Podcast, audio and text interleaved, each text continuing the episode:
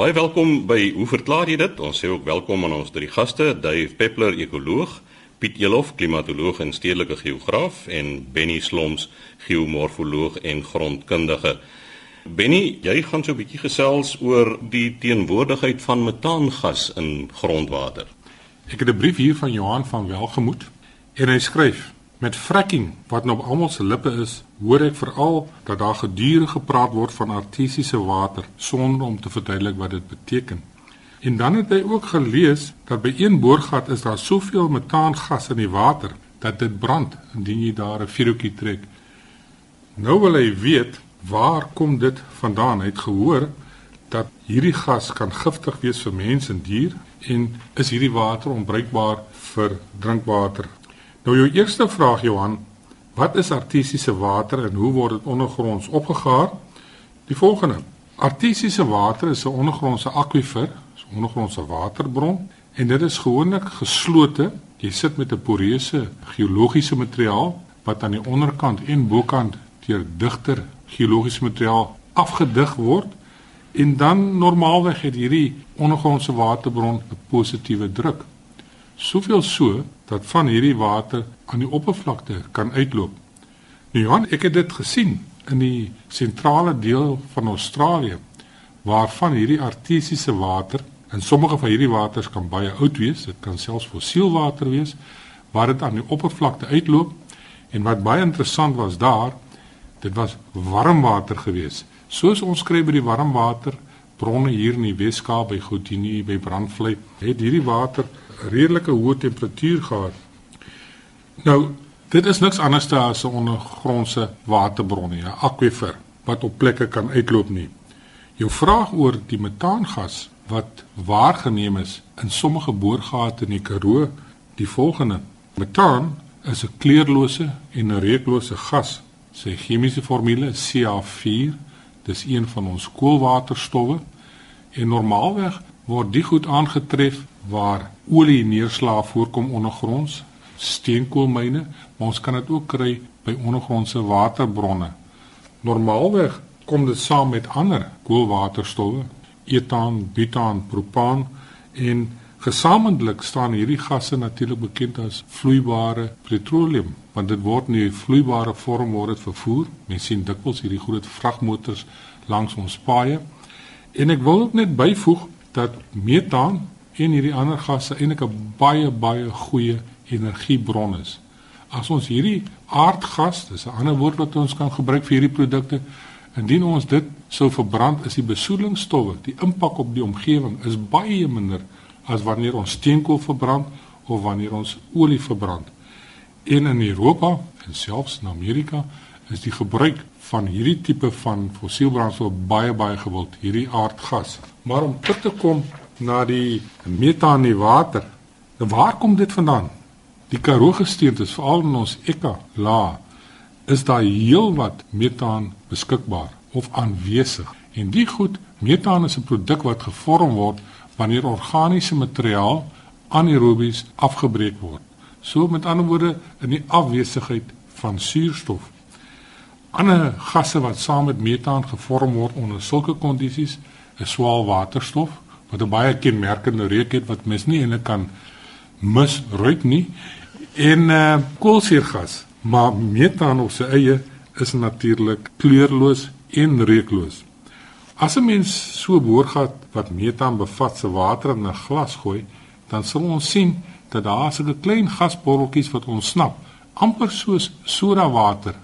En soms is dit selfs 'n melkkleurige voorkoms. Dit lyk soos melk, maar dit klaar mettertyd op soos die gasse daaruit ontsnap. Nou ehm um, hoe giftig metaan is op sy eie sal ek nou nie myself wil uitspreek nie, maar ons weet dat indien jy metaan gas in 'n myn kry, en dit kom volop voor in steenkoolmyne en selfs in goudmyne, dan kan dit dodelik wees omdat die metaangas jou suurstof verplaas. Daar's te min suurstof. Ons almal ken die storie van die ou myners wat so met die koutjie geloop het met die kanarie daarin en as die kanarie daar afval van waar hy sit, dan weet die myners dit is nou tyd om te gee pad.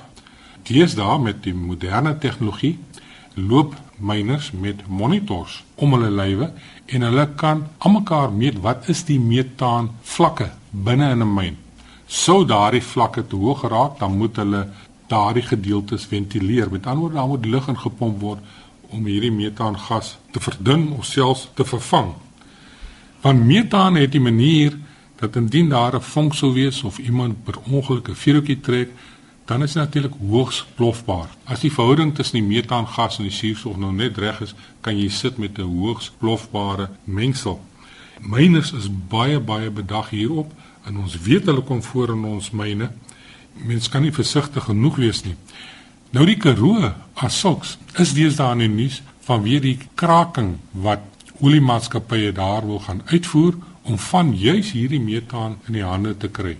Metaan is 'n baie baie effektiewe energiebron en daar lê blykbaar triljoene liters van hierdie metaan vasgevang in die gesteentes diep ondergronds.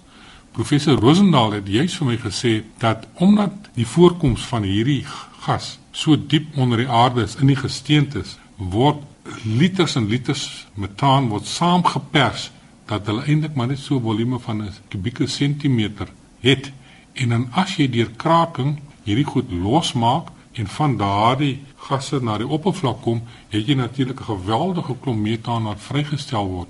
So ek is nie ekspert op die krakingsproses nie, maar dis hierdie metaan wat onder groot druk by baie groot dieptes 4000 meter onderkant die aardoppervlakte voorkom as daardie gas vrygestel word en hulle pomp vloeistowwe af in die boorgate waarin die gas kan oplos blykbaar soos ek sê ek is nie heeltemal seker oor die proses nie maar is daar groot volumes wat beskikbaar is van hierdie uiters uiters hoë energiebron wat ons kan gebruik ons weet almal het die besware teenoor die waterbesoedeling wat gaan plaasvind maar om terug te keer na jou vraag die metaangas wat aanwesig is in sommige boorgate in die Karoo is natuurlik afkomstig van die Karoo gesteentes wat van hierdie metaangas het. Ek weet graag vra as jy sê dit kom in Ekka voor dan vermoed 'n mens Bokkeveld lê onder hom, né? Maar dit impliseer ook dat hierdie gaslaag of gasdraande laag dan aan beide kante afgeseël is en dis vasgevang soos byna soos in 'n toebroodjie en dat dit in 'n beperkte stratum voorkom. Heeltemal korrek, Dave. En soos Abraham Rosendaal vir my vertel het, op daardie diepte sit jy met baie baie hoë temperature. En was die vorm van hierdie koolwaterstof vroeër iets anders gewees? Dit kon 'n olie gewees het, dit kon steenkool gewees het, maar as gevolg van hierdie hoë temperature wat saamgaan op hierdie dieptes, is dit vervlugtig en is dit goed omgesit in 'n gasvorm. Dis hoekom Mati Taljard al destyds gesê het Hy sal elke koppie olie wat hulle gaan uitboor in die Karoo sal hy persoonlik drink want die omstandighede en die ouderdom onthou hierdie lae duif is bykans 300 miljoen jaar oud en met daardie hoë temperature is die oorspronklike organiese bron nie meer wat dit was nie toe dit gevorm is nie. Nou ek wil ook net 'n uh, kommentaar lewer oor een deel van die vraag oor die artesiese bronne. Die oomblik as jy vir my sê artesiese bron, dan sien ek vir wyle professor Swanevelder in my geomorfologie klas sy skets op die bord met jou twee, ek wil amper sê nie deurlatende lae en dan die poreuse laag onder in 'n geboë of 'n gebuigde formasie waar die water dan in daardie poreuse laag vasgevang word. En soos jy sê, daar's redelik druk as jy dan 'n boorgat boor, sal ek sê in die bodem van daardie kom dan kom die water van self na die oppervlak sonder dat jy nodig het jy kan maar net gewone amper sê 'n kraan na bo op die gat sit en jou water sal van self uitkom. So die artesiese bronne is natuurlik 'n groot bron van water ook vir die mense in die Karoo. Daardie verduideliking dan oor die metaangas in die water gedoen deur Benny Sloms, ons geomorfoloog en grondkundige. Volgende aan die beurt is Dave Peppler, ons ekoloog. Nou Dave, daar is mense wat besonder geïnteresseerd is in die verveerproses van arende. Suri Zitzman van Mosselbaai het vir ons geskryf: "Arend verveer vraag. Iemand vertel my die volgende van die waarheid. Ek het ongelukkig nie internet toegang nie en het gedink dis so uitsonder dat sou dit waar wees ander luisteraars dit ook interessant sal vind. Die persoon vertel van 'n arend wat verveer deur self sy of haar vere uit te pluk." Die arend sou dan op 'n hoë plek sit en wag vir die vere om weer uit te groei. Daarna gaan die arend weer aan soos van voorheen. Ons het ook 'n tweede brief gehad wat hierdie proses van ververing na verjonging geneem het. Ek het ongelukkig die naam van die persoon nou nie neergeskryf nie, maar het ook gesê dat die arend sy kloue en selfs sy snavel kan vervang. Kom ons kyk 'n bietjie na hierdie storie. Alle diere en plante op aarde het natuurlik 'n hele stert van mites en legendes aan hulle geheg. Ek daar is byna nie 'n plant wat iemand nie 'n storie oor het nie. En meeste van hulle is uiteraard onwaar want dit is het afgespeel in iemand se verbeelding met of sonder alkohol. Met voels is daar natuurlik dan ook hierdie algemene mites. Daar's 'n hele streep van hulle. Een voel sing omdat hulle gelukkig is. Dis byna nooit die geval nie. Nou en dan sal dit moontlik gebeur. Hulle sing omdat hulle aggressief is, dat hulle paar vir 'n leeftyd. Nonsens, daar is meer egskeidings in die voorwêreld as wat jy van weet. Hulle skei teen 'n groot spoed hulle paar af van die pare vrek en hulle word vervang baie gou deur 'n sogenaamde vloeiende populasie wat tussen die groepe beweeg. Dan dat hulle monogam is, dat hulle so getrou is, jy weet die twee duifies op die tak, dis absolute nonsens, hulle verneek mekaar links regs. Dan dat jy nie aan 'n eier of 'n kleintjie moet vat nie want die maag gaan dit ruik nonsens.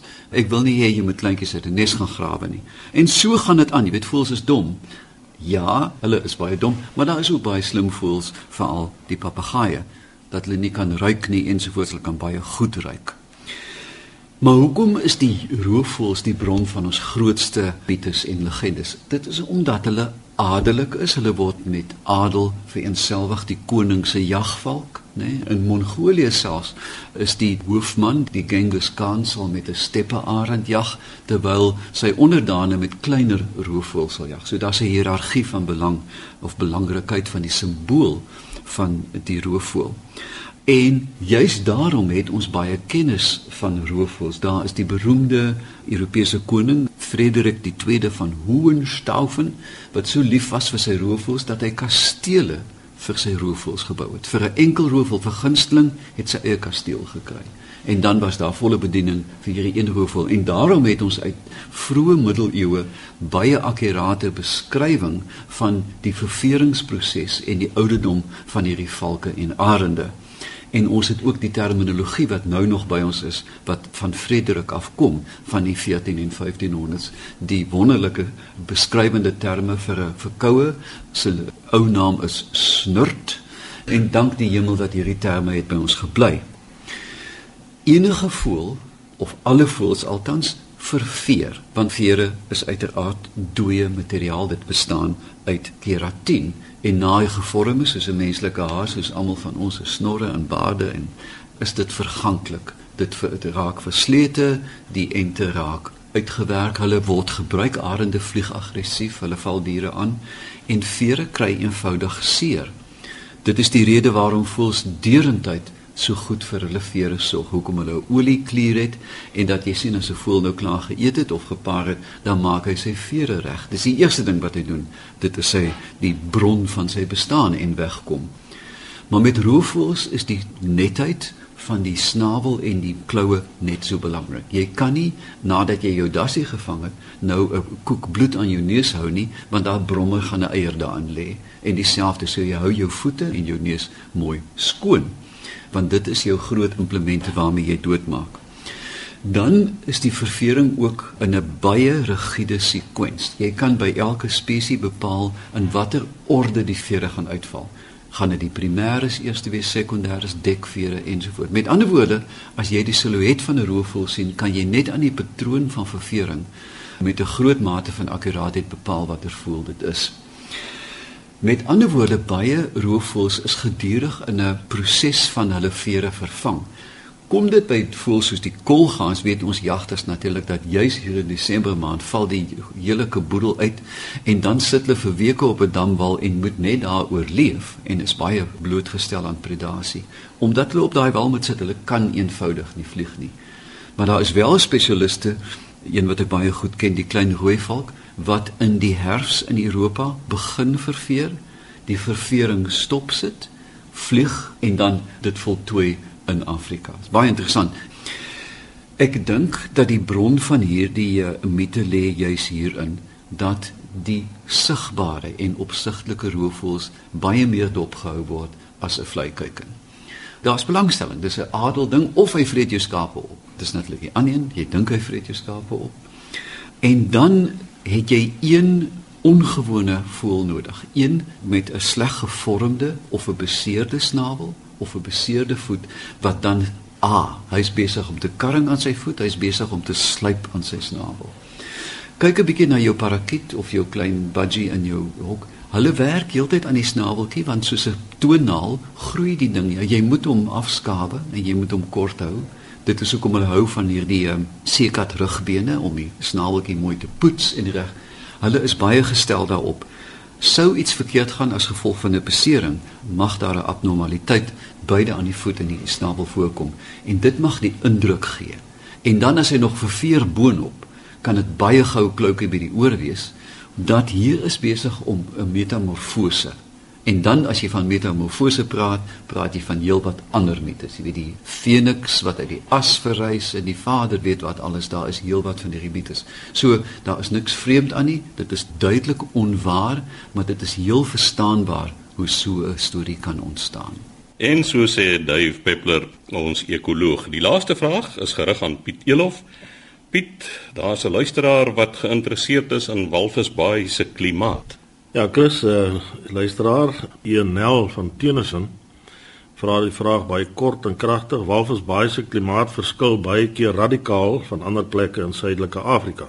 Waarom? Ek dink die antwoord het ons waarskynlik al by vorige program of ten dele beantwoord, juis oor die weerstoestande aan die Ooskus en aan die Weskus. Ek dink een van die belangrikste faktore hier wat ons in ag moet neem is dat ons langs die ooskus het ons 'n warm seestroom, met ander woorde daar is baie vogtige lug, relatief warm vogtige lug aanwesig.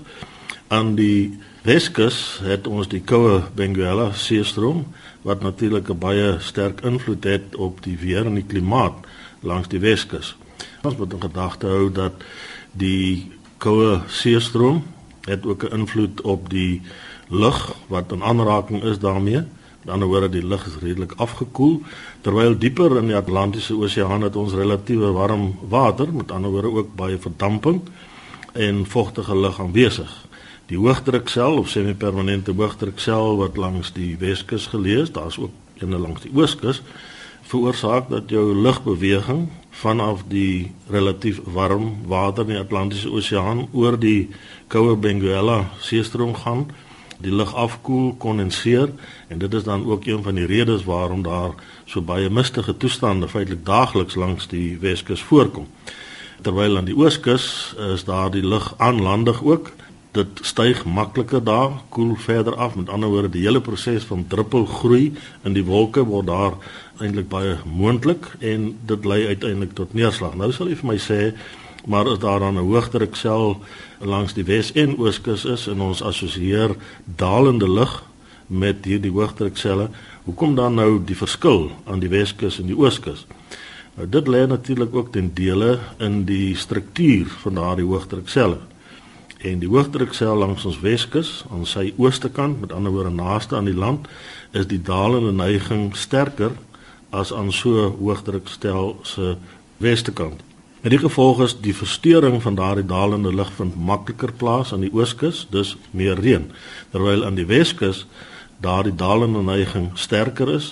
Saam met die afkoeling van die lug by die koue seestroom, beteken dit dat die kanse vir neerslag daar baie minder is. Nou die interessante is dit ons tref dus op dieselfde breedtegraad aan ons weskus droë toestande aan terwyl ons feitelik subtropiese toestande aan ons ooskus se kant aantref. Maar ek dink 'n mens moet net besef dat alhoewel ons 'n woestyn, die sogenaamde Namib-woestyn aan ons Weskus het en dit geassosieer word met baie droë toestande, dit nie beteken dat daar nie lewe is nie. En die dinge wat my interesseer daar is hoeveel diere, reptiele en plante daar tog aanwesig is in hierdie droë woestyn toestande een waarna ek kan dink wat vir my baie geïnteresseerd is is die toktokkies wat daar voorkom en daar's verskeie spesies van toktokkies wat daar voorkom wat hulle strategie is om te oorleef in hierdie droë klimaat van die Weskus. Een daarvan is dat die toktokkie veral vroeg in die oggende sal hy amper handstand gaan doen met sy agterlyf regop in die lug in die rigting van die see waar hierdie mistige weer as dit ware in beweeg veral naby die kus. En hierdie baie klein druppeltjies waterdruppeltjies dan as dit ware gaan vassit aan sy dop as ek dit so kan stel. Die dop is geriffeld met ander woorde daar vorm klein slootjies en sodra daar genoeg water op daardie dop geakkumuleer het en dat die druppel swaar genoeg is dan rol daai druppel af in die rigting van die toktokkie se kop en op dië manier kan hy dan nou ook water in die hande kry waar daar nie ander waterbronne is nie maak hy gebruik van hierdie mistige toestande daar's ander tipe toktokkies ook wat byvoorbeeld amper soos 'n kruipmol net onder die oppervlak van die sand sy riffie stoot of sy walletjie stoot en daai walletjie is net hoog genoeg om genoeg vog te akkumuleer wat daai klein toktokkie dan gaan gebruik. Dan is daar sekerlik ook ander diere, reptiele, duif wat uh, op 'n manier oorleef wat ook dan vog in die hande moet kry op een of ander manier. Dis wel so ek het jare gereeld na my toe gegaan saam met wetenskaplike spanne en ook my eie en 'n mens dink van die primitiefste diere soos legene of plante altans wat net aan sy takke hang en dan waterdamp onderskep.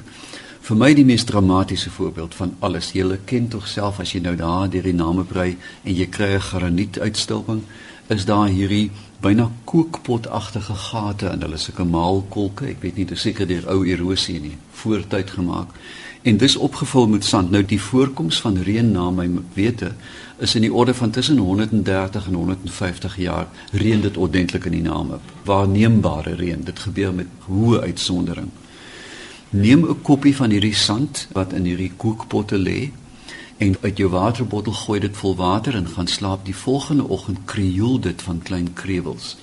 Hulle insisteer, met ander woorde, hulle verhaat hulle dopie van die eier en dan lê wag hulle vir 100 na 150 jaar vir die reën.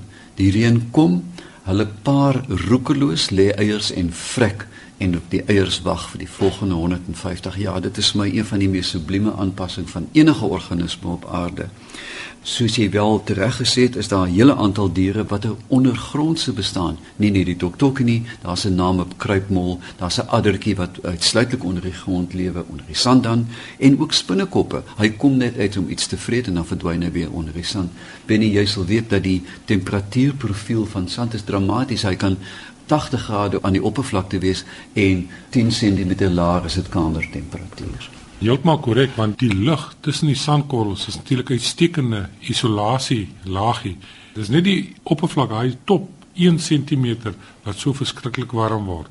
Binne dis dan ook waarom baie van hierdie reptiele hierdie ek wil dit amper noem 'n geitjie, hy sal hardloop oor die sand teen 'n geweldige spoed en dan duik hy onder die sand in een bron van water byvoorbeeld juis vir die geitjies is die vermoë wat hy het om sy oë af te lek, die vog wat op sy oë is en natuurlik sy ander bron van vog is die kewers wat hy vang.